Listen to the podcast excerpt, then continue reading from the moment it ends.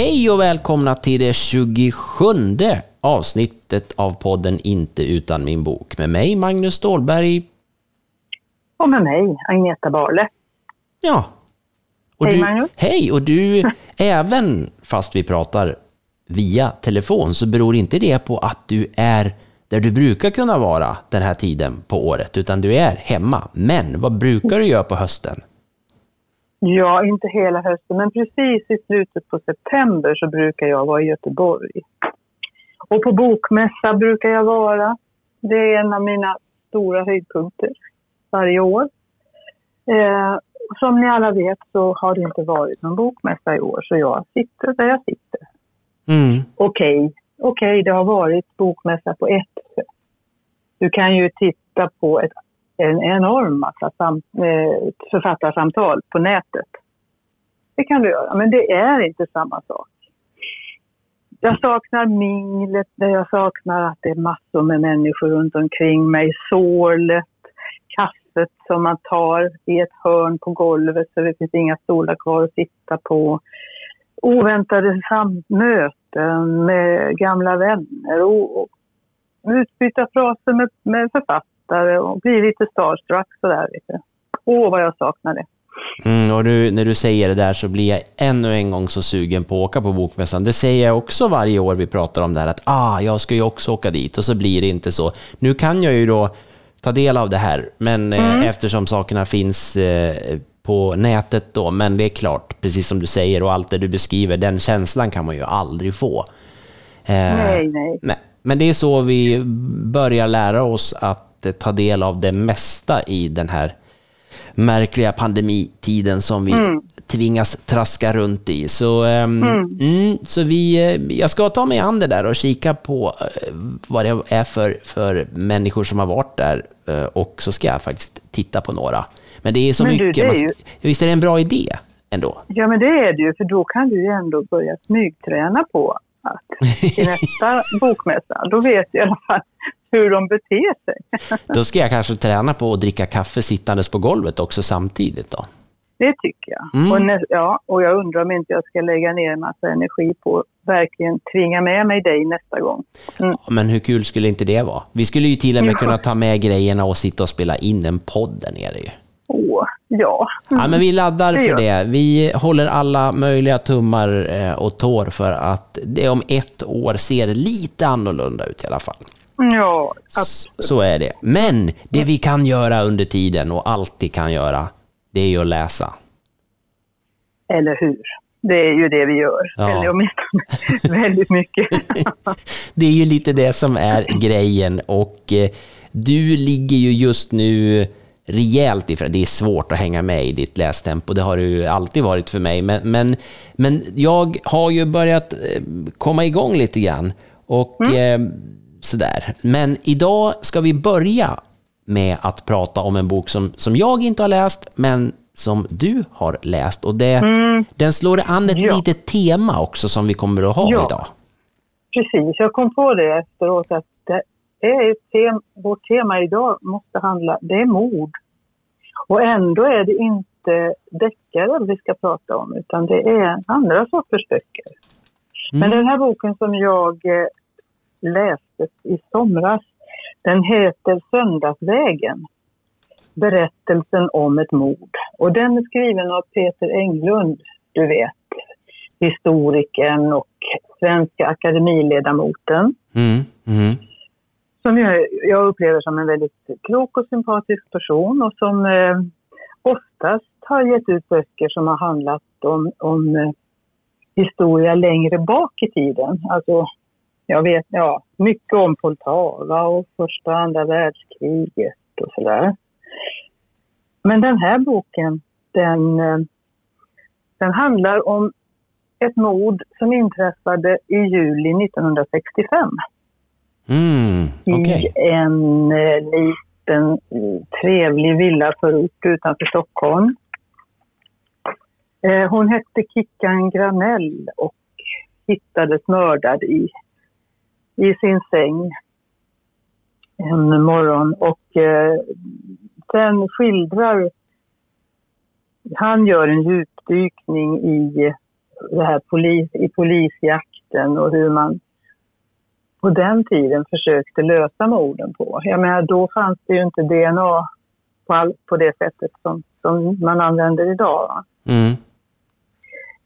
Um, och det, han är väldigt insiktsfull i det han skriver och det syns ju att han har jobbat precis på samma sätt som med de andra böckerna. Att han har gått eh, ner i alla vet, tidningsartiklar och läst på arkiv och så vidare. Så han, han vet ju verkligen vad det är han, han skriver om. Mm.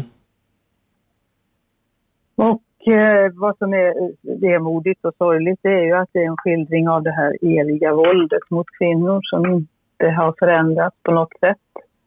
Och också det här med dagstidningarnas eh, löpsedlar.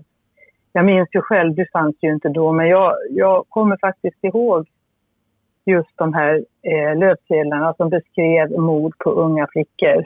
Som jag minns att det gick rakt in i mig. Jag tyckte det var jätteläskigt. Ja, det kom visst. så nära på något vis. Ja, visst. och sen är det ju 60-tal och det är, han är ju själv eh, sprungen ur den tiden så han kan ju berätta om det på ett väldigt bra sätt. Han, eh, den, den här 65 sammanfaller med hans barndom. Så, och alla sitter framför samma svartvita tv och ser på Perry Mason och Hylands hörna och Fråga Lund faktiskt. Ja, ja just det. Men med ett annat gäng då. Mm. Så egentligen så är det här en bok som mer är en berättelse om en tid än om ett mord. Men det, jag, jag tyckte den var klart eh, intressant att läsa, absolut. Mm. Det är inte, man kan inte, det är inte en... Eh, den, den ramlar ju in då i den här true crime-genren. Hur är han? Mm. Försöker han, mm. han försöker han, är det en, är det mer en historieskildring och tids, ett tidsdokument än en mordutredning? Skulle man säga ja, det? det är nog både och, kan mm. jag mm. säga. Och eh, eh, det finns en eh, kille, en mycket speciell man som, eh, som också visar sig vara mördaren. Han, han kommer från Österrike och han bor i Stockholm och han har någon form av psykisk störning. Eh, så att det, han skriver väldigt mycket dagböcker och sånt och det har också Peter Englund läst allt den här karln har skrivit och det är en väldigt absurd person. Så att, eh, men man, frågan är alltså dels hur mordet gick till och, och av vem. Mm. Men det är med en historikers blick liksom. Som, alltså, ja. som han då redogör för mordet och så samtidigt så skildrar han Sverige på 60-talet helt enkelt. Ja. Mm. Ja. Det är intressant att han kliver in i den moderna, moderna historien då. Eh, ja. Och, och, med ett sånt här grepp, det är ju, det är ju väldigt spännande det här. Eh, pratade faktiskt, jag är ju fotograf och pratade här om dagen med, med fotograf kollegor och eh, det här med att, att skicka in en fotograf i en, i, på ett ämnesområde eller i en bransch där den inte normalt sett är väldigt så specifikt fotograferande. Säg att du ska... Det finns, nu vet inte jag om det finns fiskefotografer, men vi säger att det gör det då, som är väldigt bra på att fotografera när folk fiskar och vet hur det ska vara. Men just att skicka in en, en professionell fotograf i en miljö där den aldrig har varit och inte vet hur, hur konventionerna är för, för den genren. Och då blir det ju något annat. Eh, ja, ja. Och, och, lite där, så, det, det är det jag kommer att tänka på med, med Peter Englund, att, att han ändå ger sig in i, i, i mord på det här sättet. Och det, är ju, mm, det, det mm. finns förutsättningar att det kan bli det kan bli något annat än det som kanske kan bli ganska lika hela tiden. True crime är ju en mm. genre som är spännande i sig såklart. Men att den mm. kanske hittar ett, ett mönster den rör sig i och så kommer Peter Englund, kanske från ett annat håll, och gör det på sitt mm. sätt. Precis.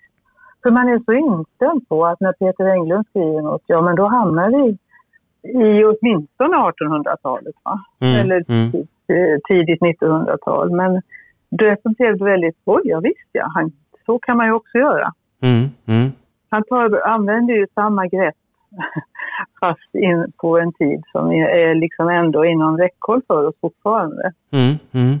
Och han, kan, han går ju också runt och, och tar kontakt med någon kompis till den här mördade flickan och ja, lite andra människor som ju faktiskt var där då. Mm, Så det mm. måste ju för hans del vara ganska häftigt att eh, hitta svaren på, hos levande människor så att säga. Ja, ja. Mm. Mm, så Söndagsvägen, en berättelse om ett mord, den tycker jag är klart läsvärd. Mm, intressant. Det är ju, Mm. ja, som sagt, spännande. Peter Englund kan ju sin sak. Så att eh, Mm. Mm. man blir ju nyfiken. Sen håller jag mig i Sverige upptäcker jag också i, idag eh, för nästa mord som dök upp och som jag vet att jag har dragit in dig i. Det är någonting helt annat. ja, Det, eller hur? det, det, det kan man säga. Det är inte riktigt true crime, det här. Nej, snacka om den totala myllret. Det är ett myllrande apäventyr har jag kommit på. Ja, Ska vi så, jag säger vad den heter också. Den heter Mördarens apa. ja. Och vi gjorde ju en liten sån cliffhanger i det förra kapitlet där. Det är ju alltså den här boken som, som vi liksom lite frestade med i slutet förra gången. Mm, precis. Och när man, eh, den är skriven också av en kille som jag inte alls har varken sett eller hört, men han heter Jakob Vegelius med W. Och han är så någonting så imponerande som tvåfaldig Augustpristagare. Det kan det inte finnas Det man- många av va? Nej, vet du, det tror jag inte. Oj, Och det här är ju en bok, mål, alltså, målgruppen är ju egentligen från tio år och uppåt. Eh, men mig fångar den verkligen. Ja, men det, det är intressant. Det där har jag tänkt på. Ja, det hade jag faktiskt ingen aning om att det var så. Därför att jag, nej, men jag läste och tänkte, är det här en, är det här en, en, en, en eh, stora, stora barn, barnbok? Har jag funderat på. Men, men jag känner ju att jag sitter och, och, och, och ligger och läser den här med, med väldigt stor behållning och, och, och känner nog ändå inte att det är riktigt är en barnbok sådär. Men Nej, det, men det är väl, jag skulle kunna tänka mig att det är en bok som man gärna läser högt för någon. Mm. Nu är den ju tjock, den är, det är inte klokt. Den är, du läser ju den på nätet, men den är alltså på 600 sidor. mm, Och då tänker man ju, "Haha, vad ska det här bli? Men det är ju, oj, det går hur lätt som helst. Sen Mm. är det ju också hans fullständigt fantastiska illustrationer. Ja visst. Vegelius är en enormt duktig illustratör. Ja, så, visst. eh, så det är ju en, en eh, division till liksom. Ja, den är ju... ehm, eh, ja, vad ska man säga? Alltså, det är så roligt med, med både hur han skriver, men också, som sagt, de här illustrationerna och det, det fantastiska persongalleriet som är i, i början på boken. Där, alltså. Mm. Det är Vi har ju... egentligen inte sagt förresten vem Sally Jones är på riktigt mer än att hon är en gorilla. Nej, det är ju det man, och det glömmer man ju bort hela tiden, tycker jag. Det har, Ja. jag, jag, jag, jag känner ju det att, att, att eh, ja, visst är du en apa. Med allt vad, med, med allt vad det innebär. det, det, det, det är ju, men, men samtidigt så, ehm, det öppnar ju upp för så mycket roliga grejer. Det måste ha varit väldigt roligt att skriva den här boken, tänker jag. Mm, absolut. Jag menar, och sen är hon ju så enormt... Hon är väldigt mild och vänlig och, och stark. Och hon kan ju allting. Hon kan ju skruva ihop en båtmotor eller eh, slå en indisk maharadja i schack. eller tillverka ett, ett dragspel. Alltså, men hon kan inte prata. Nej, Nej. Och det, gör ju, det, det är ju fullt rimligt att en apa Mm. inte kan det, men man blir ju, man blir ju lite frustrerad då. Det, Ja, det är då ja, man kommer vill på det där. åt henne liksom. Ja, Ja, ja, precis. Men hon kan skriva. Ja, Så på det- viset så kan hon ju också förmedla eller kommunicera till viss del. Mm. Om hon absolut behöver. Liksom. ja precis. Ja, den är ju... ehm, ja, den här var verkligen... Du, du, du hintade om den här, eller tipsade mig om den här, och jag kände ju redan innan att det fanns förutsättningar och sen när man bara började läsa den här så, så går det ju inte att sluta. Nej, det gör det inte. Det gör det inte. Den är, mm, den är inte lik någonting, skulle jag säga. Um, och jag menar, den är ju ganska tuff också. Det är, det är otroligt spännande. Det handlar om ett mordfall och det är mycket ondska och så. Men det finns ju väldigt mycket vänlighet och kärlek också i mm. den. Mm. Men den är ju spännande från första till sista sidan. Mm. Mm. Ja, det, är ju, den är ju, det, det, kan jag ju känna och det var väl där jag någonstans började fundera kring det här med, med barnbok eller inte. Men den är ju, den är ju otroligt lättläst. I, mm. Och den har ju ett, ett väldigt skönt driv. Den går ju inte fort fram så, men den är... Eh, mm, det, det, det, man, man, läser bara på. Och naturligtvis Precis. reflekterar man en massa, men det är inte så att man fastnar efter, efter meningar och måste fundera vad innebär det här, vad blir det nu? Och så Nej. Jag känner att jag inte kanske ens förstår riktigt vad stod det där, utan här är det ju, här är det ju glasklart. Och just det här att han på ett sånt eh, förmänskligar den här apan Sally Jones så mycket så att hon man glömmer bort att hon är en apa. Jag har gjort det flera ja, gånger och, och, och, och sen när man hela tiden kommer, just det, en apa, åh, då blev det ju jobbigt. Mm. För nu blir det ju, nu blir det ju inte så där lätt som det skulle kunna ha blivit. Nej. Och man kan ju just att tänka sig att det här är ju, ja, det skulle ju faktiskt kunna ha varit en människa och eh, ändå varit problematiskt. Alltså vi, vi ja, jag, mm. jag tycker den, är, den har många bottnar ändå, så det är klart man funderar ändå en del. Men är inte det styrkan just med, med, de här med boken som sådan? Att är det bara riktigt bra skrivet så accepterar du som läsare att ja visst, hon är en apa, det är inte mer med det. Det får gå så här. Ja. Eller hur? Nej men precis. Ja, jag, det här är, ja. Jag tänkte, jag blev lite jag tycker att det är en sån häftig titel, Mördarens apa också. För man, man undrar ju vad tusan det här är för någonting. Men det är ju så, han, eh, Sally har ju en, eh, vad ska man kalla det? det? Han äger ju inte henne, men hon är ju väldigt god vän med en eh, skeppare som heter Henry Koskela, någon kille från Finland. Som... Eh, mm, han har inte mördat, men han har, man har, han har blivit satt i fängelse för man tror att han har, har tagit livet av en person. Så mm, är det. Mm. Mm. Ja, nej, precis. Deras har... relation är ju, är ju sådär som den bara är. Ja, så är det. Och det är väldigt skönt tycker jag.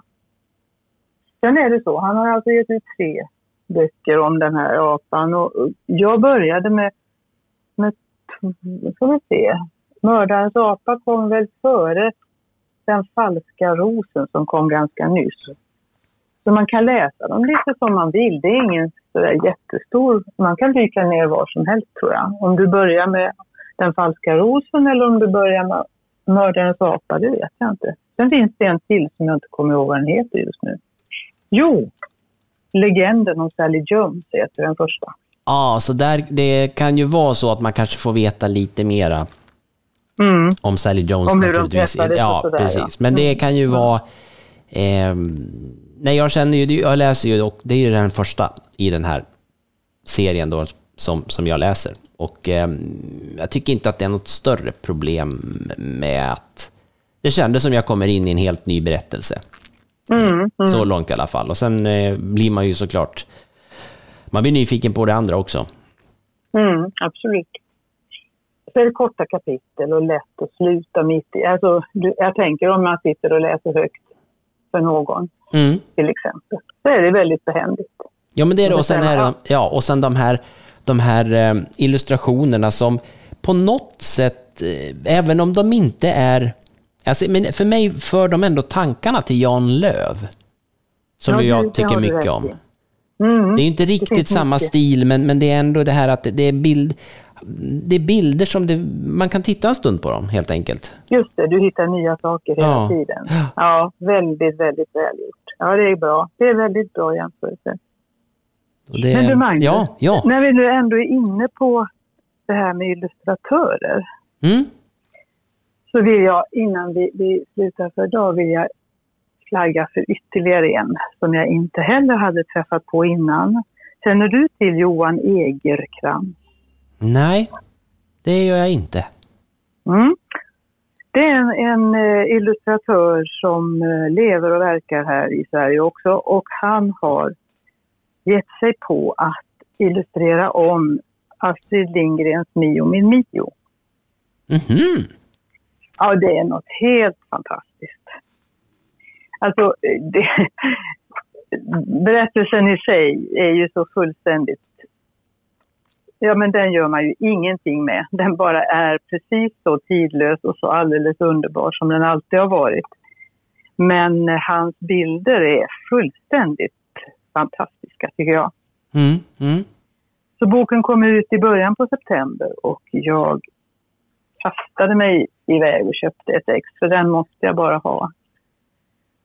Och ja, det är så lustigt med den boken för jag, eh, jag har någon sorts vetskap om vad den handlar om och så samtidigt en stark känsla av att den är så obehaglig och så hemsk. Mm. Kommer du ihåg den, Magnus? Ja, jag minns den ju som, som eh, jag skulle nog ändå säga att det här, att Mio min Mio är den första boken som, som rör sig i en sån här genre där det just inte är så... mm, det är inte, det är inte en barnbok riktigt, eh, på det sättet Nej. om, om jag beskriver det så att vad jag hade läst innan och när Mio min Mio, när, när jag tog mig an den, det är en, det är, jag vet, fantasy, fast jag vet inte, ja men sådär. Det var en, en ny genre och, och jag har lite samma, samma minnen där. Att det, det rörde sig, det, det kändes lite så här. nej, jag var inte riktigt bekväm, men det är ju en fantastisk berättelse. Men det var inte, det var någonting annorlunda för mig, kommer jag ihåg. Jag tror att det är alldeles nödvändigt att man läser den tillsammans med någon annan. Alltså, Mm, att mm. om du är en tioåring så är det, då ska det vara en trygg vuxen som sitter bredvid och läser den. Mm, mm, Ehm, och jag minns att eh, när mina söner var i sådär 10-12 års åldern så, så läste jag Bröderna Lejonhjärta för dem. Men då var jag tvungen, då gick vi ut i skogen och satt ute där och läste istället. Det Mm. var som att det var lättare. Och det är lite samma med den här, min Mio. Men jag vet inte om du minns sådana här saker som, det dy- dyker upp ord och, och, och minnen som jag liksom använder. Det här med sorgfågel eller bröd som mättar hunger och brunnen som viskar om kvällen. Och så den där riddar Kato med ett hjärta av sten och en klo av järn. Det är liksom sådana här inetsade Ja, begrepp. Ja, just jag minns, det är Kato som, som jag kommer ihåg och det där hjärtat av sten. Hela den, eh, det där bild, bildspråket som sagt som, som eh, ja, det, det är frågan om om inte det här är den boken som, alltså att, att den, att börja tänka på ett annat sätt. Eh, att, att försöka förstå symboler och sånt där. Jag undrar om inte att den här, den här boken var en sån, sån bok när man är barn och man liksom, ja. Jag tror det. Mm, Och på mm. något vis så är det nyttigt att man som vuxen läser den, tror jag. Mm, För det är ju en... Man vet ju egentligen inte vad som hände den där lille killen. Va? För hela boken börjar så starkt tycker jag. Det var så här att var det någon som hörde på radion den 15 oktober förra året? Var det någon som hörde att de frågade efter en försvunnen pojke? Så här sa de. Polisen i Stockholm efterlyser nioårige Bo Wilhelm Olsson som sedan i förrgår kväll klockan 18 var försvunnen, varit försvunnen från sitt hem. Han har ljust hår och blå ögon, korta byx, bruna byxor och en röd liten luva. Meddelande om den försvunne lämnas till polisens ordonnansavdelning. Så där sa de i radion förr. Och vad hände med lille killen egentligen? Ja, Visst. Ja, vilken, Mm. vilken eh, ja, vad häftig hon var, Astrid Lindgren. Vad, Ja. mm, Vilken, ja såklart fantasi, Ja. självklart. Men, men också det här att, eh, alltså vilken, vilken spänning. Det är ju, det är ju verkligen inte, det är ju inte ett barnintro. Nej. inte alls. Det är det ju Nej. inte, utan det kryper ju i kroppen. Jag, jag tänker på Mm. det här med illustration. Är det, har de någon slags plan där kring det här, de som förvaltar Astrid Lindgrens eh, berättelser här med att, man gör, att göra nyutgåvor och eh, illustrera om dem? Eh, jag har verkligen ingen koll på det. Har de gett ut, vet du det? Nej, jag, jag tror inte att det är no, någon annan. Jo, möjligen Saltkråkan har också kommit ut på något nytt vis. Mm. Det kan nog hända, sakta, sakta, sakta kan det nog bli så. För jag menar, men, eh, Ilon Wikland som ju illustrerade från början, eller första upplagan, hon är ju väldigt sammankopplad med Lindgrens texter. Jo, Men verkligen. jag tycker, ja, men jag tycker inte att, att det gör absolut ingenting att, att han gör en ny tolkning. Så länge de inte ger sig på hennes språk, säger jag. Nej, men exakt. Jag tänker också det här med att, eh, att förändra, det kan ju göra så ont. Eh, man kan ja men Pippi ska se ut som hon alltid har gjort och den ska vara som den alltid har varit och man ska äta ärtsoppa på torsdagar bara och varför gör ni det på onsdag? Alltså, mm, det där att försvara saker, men det är ju ingen som på något sätt menar att Elon Wiklands illustrationer inte håller, utan man vill Nej. bara göra något annat. Och att, att att vi, att vi kan fortsätta göra saker och, och, inte bli fast det. ja, att utveckla sånt som har gjorts en gång, men vi kan som sagt utveckla det också. Därför att det, det är klart att det är spännande och det kommer ju nya generationer som inte bryr sig ett skrutt i, i att Elon Wikland gjorde de här. Det, det, det är ju verkligen att hålla isär det. Det kanske kan låta så självklart, fast samtidigt vet man ju hur det är. Att, Nej, men jag tycker inte att man ska göra så. Mm.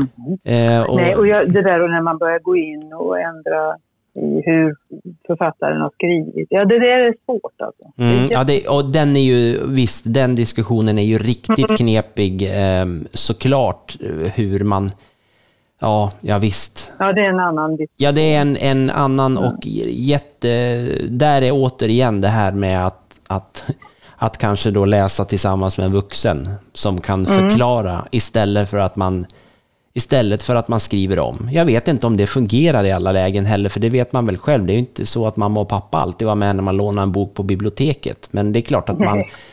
Med, med ett språk som är skrivet för 50 år sedan, det är klart att det, det, är, eh, det finns en risk att det kommer in grejer som, det fanns absolut inget eh, illa ment i det när det skrevs, men det fungerar Nej. inte alls idag. Nej, men precis. Den här, Mio Mio Mio, skrev hon 1954. Ja, du ser. Men det, men det är ju som en, en total saga. Det går inte att ändra i den. Det gör Nej. bara inte det. Nej, nej, och, då, nej och just eh, där är väl, om vi nu kallar det här för någon slags, eh, att den finns i fantasy-genren Mm. då ändå, där är det ju som sagt, eh, där är det ju fritt. Det Det, det mesta där kan man, Mm. ska man inte gärna blanda in eh, vardagen och hur vi ser på Nej. saker, då blir det ju, det blir lite konstigt. Mm.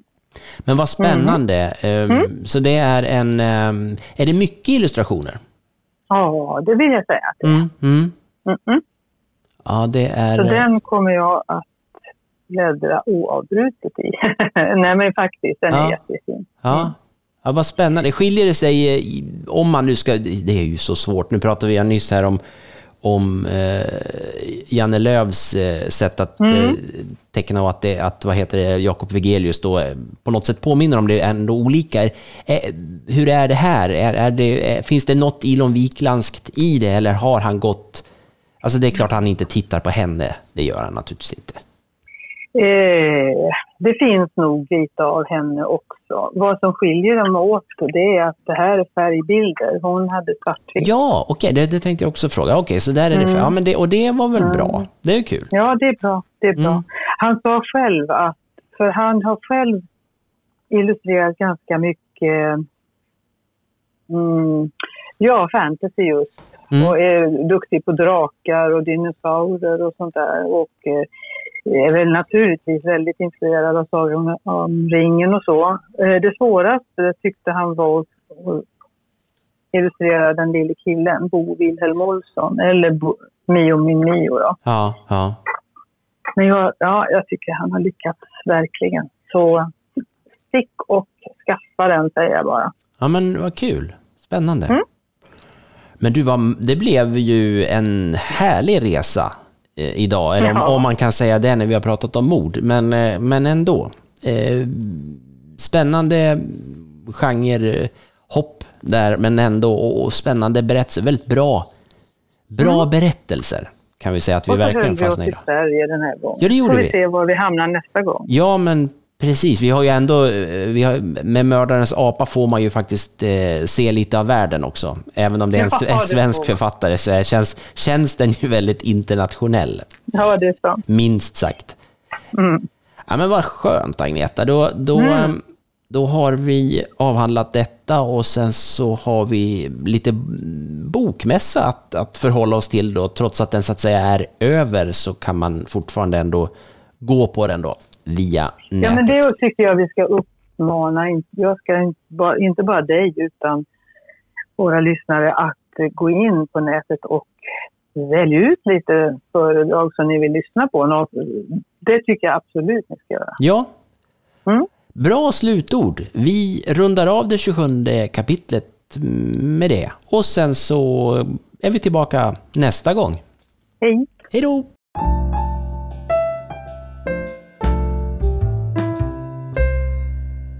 Du har lyssnat på ett avsnitt av podden Inte utan min bok som produceras av Magnus Stålberg och Agneta Barle. Mer information om avsnitten hittar du på skrattpiller.se inte utan min bok. Vi finns också på Facebook där vi heter Inte utan min bok och på Twitter också. Även där heter vi Inte utan min bok. Tack för att du lyssnade!